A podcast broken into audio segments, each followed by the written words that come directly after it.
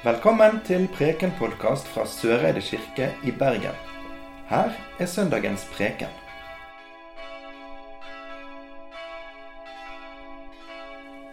Det står skrevet i evangeliet etter Matteus, og vi reiser oss. Hva mener dere dersom en mann har hundre sauer, og en av dem går seg vill? Lar han ikke da de 99 være igjen i fjellet og går og leter etter den som er kommet på avveier? Og skulle han finne den, sannelig, jeg sier dere, da gleder han seg mer over denne ene enn over de 99 som ikke har gått seg vill. Slik vil heller ikke deres far i himmelen at en eneste av disse små skal gå tapt. Dersom din bror gjør en synd mot deg, så gå til ham og still ham til ansvar på tomannshånd. Hvis han hører på deg, har du vunnet din bror. Men hvis han ikke hører, så skal du ta med deg én eller to andre. For etter to eller tre vitners utsagn skal enhver sak være avgjort. Hvis han ikke hører på dem heller, skal du si det til menigheten. Men hvis han ikke engang vil høre på menigheten, skal han være som en hedning eller toller for deg. Sannelig, jeg sier dere, alt dere binder på jorden, skal være bundet i himmelen, og alt dere løsner på jorden, skal være løst i himmelen. Slik lyder det hellige evangelium. Jeg vet ikke med dere, men For meg er det hvert sånn at vår og sommer det er høysesong for opprydning. Stor opprydning og kasting. Mange av oss bruker den tiden her på å kvitte oss med gamle og utdaterte ting. Fretex tar imot så mye som de klarer av det som kan gjenbrukes, og veldig mye havner rett og slett i bosset. For noen av oss så er det å kvitte seg med ting det er en vanskelig emosjonell prosess. Og Kanskje noen av dere har vært med på det å rydde ut av et gammelt hus. Kanskje et barndomshjem fylt med minner til randen. Men det er sånn med rydding og kasting at det både letter og det gir oss bedre plass. Denne dagen her, tross de vanskelige tekstene, eller pga. de vanskelige tekstene, så har jeg valgt å ha eh, opprydning som sånn overskrift når jeg holdt på med prekenarbeidet. Opprydning som tema i dag. Dette her, det er en dag i kirkeåret som handler om rydding og oppgjør. Så her, midt i sommerferien, og før disse her skolestartutstyrsreklamene begynner å fylle opp all annonseplass i avisene, så er tiden inne for rydding og oppgjør. Dette er en søndag òg som da kan hjelpe oss til å rydde opp i våre forhold til våre medmennesker og til Gud. Når vi rydder, så sorterer vi gjerne. Rom for rom, skap for skap. Vi kaster det ubrukelige, fikser det som fikses kan, og så tar vi fram igjen og børster støvet av det vakreste, sånn at det igjen kan få skinne. Og jeg tror at en sånn personlig opprydning er nødvendig å ta med jevne mellomrom. Og I kirken så har vi noen søndager viet til dette fokuset. Men det er jo egentlig det vi gjør hver eneste søndag når vi samles til gudstjeneste. Vi kommer hit med livene våre, med alt det vi bærer på, og så gir vi det til Gud. Før vi igjen går ut i verden. Det er en bevegelse som varer og varer. For det at verden og livene våre her på jorden, de består av mye som vi bærer på, både godt og vondt.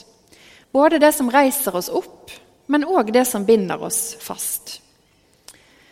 I våre medmenneskelige relasjoner så kan ryddingen og oppgjøret handle om å fikse noe med noen som vi har noe uoppgjort med. Jeg vet i hvert fall det med meg sjøl at jo lengre jeg venter med å rydde opp i en relasjon som skranter litt, jo vanskeligere er det å reparere eller fikse det. Og Kanskje gjelder det samme i vårt forhold til Gud.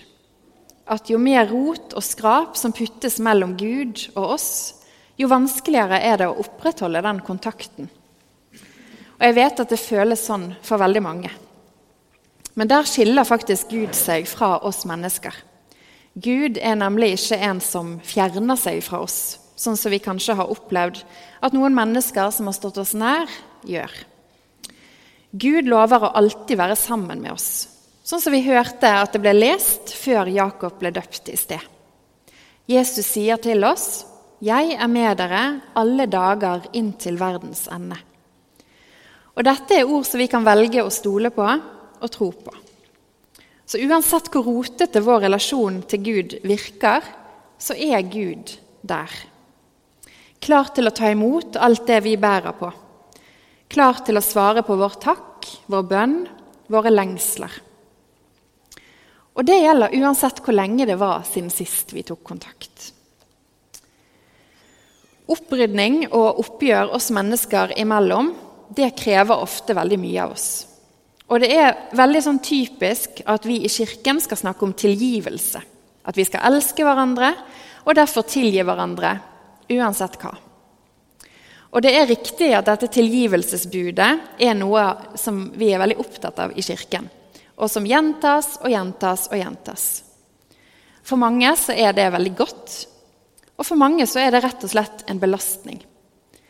For hva med alt det vi ikke klarer å rydde opp i, det vi ikke klarer å tilgi? Hva med alle iblant oss som opplever mobbing, med alle iblant oss som opplever overgrep, eller alle iblant oss som er offer for terrorhandlinger? Alle som har fått ødelagte selvbilder, og som daglig lever med arr og traumer etter hva noen andre mennesker har påført dem. Hvordan forholder vi oss som kirke til det? Noen ganger er ikke tilgivelse mulig. Ingen kan forlange at noen skal tilgi mobberen som kostet titalls tusen i tannlegeutgifter eller psykologbehandling. Ingen skal forvente at barnet som blir utsatt for overgrep av en voksen, skal tilgi. Og ingen skal forvente at de pårørende til de drepte i Oslo etter skytingen der, eller i København etter skytingen der, skal tilgi gjerningspersonene. Noen ganger er ikke tilgivelse mulig. Men Kirken er veldig opptatt av tilgivelse. Men den umulige tilgivelsen er noe vi òg burde være opptatt av, og flinkere til å snakke høyt om. Det fins så mange fortellinger om alle oss som ikke klarer å tilgi. Om alt det andre har påført oss, og som ikke, de ikke har, gitt, har bedt om tilgivelse for, eller som vi ikke klarer å reparere. Handlinger som vi ikke klarer å tilgi. Prekenteksten i dag handler om noen som ekskluderer seg sjøl ved å påføre andre urett, uten at de sjøl innser det. Teksten handler om de som sårer andre og nekter å se eller høre at sine handlinger gjør andre mennesker vondt. Personer som ikke er åpne for å se egne feil, men som skyver skylden over på andre eller kanskje systemet når de blir konfrontert med det de har gjort. Og Inntil disse menneskene våkner og innser sine handlingers konsekvenser, så er det faktisk vanskelig å gi dem en åpen dør inn i fellesskapet. Det er kanskje hardt å melde, men jeg mener at Jesus er ganske klar på det i dagens tekst. Når en som har pådratt seg sjøl skyld i andres ulykke, nekter å innrømme det, selv når hele fellesskapet stiller vedkommende til ansvar, så kan ikke den personen lenger være en del av fellesskapet. Det er krevende å ekskludere noen fra et fellesskap, men noen ganger så tror jeg at det er nødvendig. Grenseløst oppførsel trenger at et fellesskap setter grenser. Det må skje en opprydning, et oppgjør. Bibelen er full av sånne oppgjør. Jesus som løfter selvforskyldte, utstøtte mennesker inn i fellesskapen igjen, når de gjennom møtet med han ønsker å gjøre en helomvending og rydde opp. Paulus og Sakkeus er to eksempler på det. Og For meg så forteller det om en Gud som kan fikse, rydde og reparere det vi mennesker ikke får til. Det forteller meg om en Gud som elsker alle menneskene ubetinget. Også de som mobber, forgriper seg, og som skyter rundt seg i hat. Men det forteller meg òg om en Gud som ikke forventer at vi mennesker skal tilgi uten videre.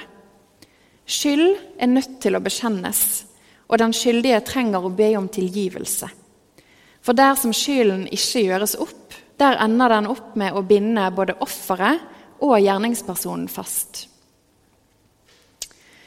For at Sør-Afrika skulle klare å reise seg etter avskaffelsen etter det nesten 50 år lange apartheid-regimet i 1994, så satte myndighetene, med presidenten Nelson Mandela og erkebiskop Desmond Tutu i spissen, de satte forsoning og tilgivelse i system. Sannhets- og forsoningskommisjonen den gikk ut på at sannheten den skulle fram, for så å bli tilgitt. Gamle fiender skulle danne et nytt samfunn sammen, på tvers av hudfarger og etnisitet, som de tidligere hadde drept hverandre for. Det var mange historier som ble fortalt, og gjerningspersonene som hadde begått denne uretten, fikk anledning til å gjøre opp overfor eh, ofrenes etterlatte. Det fins mange fortellinger om gjerningspersoner som betalte for skolegangen til etterlatte, f.eks. Og det er inspirerende og rørende å høre de fortellingene der. Men det er ikke sånn at den dag i dag så finnes det ikke bitterhet igjen i Sør-Afrika etter apartheid. Det fins grenser for vår tilgivelse. Og der grensene går, der tror jeg at det bare er Gud som kan gripe inn. Gud som elsker og kjenner hver enkelt av oss, og som vet akkurat hva vi har gjort, eller hva vi har vært utsatt for. Gud som derfor vet hvorfor vi kanskje noen ganger ikke klarer å tilgi. Gud som vi derfor kan la slippe inn, rydde opp og ta seg av det som vi ikke klarer. Ære være Faderen, Sønnen og Den hellige ånd, vår skaper, frigjører og livgiver. Amen.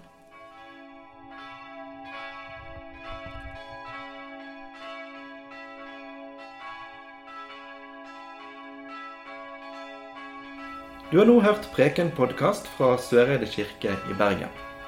Følg oss gjerne på Facebook og Instagram, eller gå inn på vår nettside kirken.no soreide. Takk for at du hørte på.